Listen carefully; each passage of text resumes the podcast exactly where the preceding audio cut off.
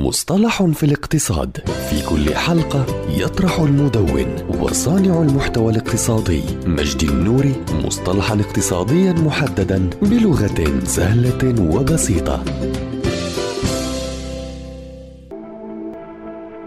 تجزئة السهم أو تقسيم السهم. هي عملية يقرها مجلس إدارة الشركة لزيادة عدد الأسهم القائمة من خلال إصدار أسهم جديدة للمساهمين. ويتم تجزئة الأسهم بشكل عام من قبل الشركات التي شهدت زيادة في سعر أسهمها بشكل كبير. متجاوزا أسعار الأسهم المشابهة في الشركات الأخرى. وتتضمن تجزئة الأسهم تقسيم كل سهم من أسهم الشركة إلى عدة أسهم مما يؤدي إلى زيادة إجمالي الأسهم في الشركة. وأبرز مزايا تجزئة الأسهم هو انخفاض انخفاض سعر السهم وزيادة القدرة على تحمل التكاليف وتعظيم الأرباح في المدى الطويل وزيادة عدد الأسهم التي يمتلكها المساهمون الحاليون وتخلص الشركة من دفع أي ضريبة إضافية على العدد المتزايد من الأسهم لأن القيمة السوقية لا تتغير.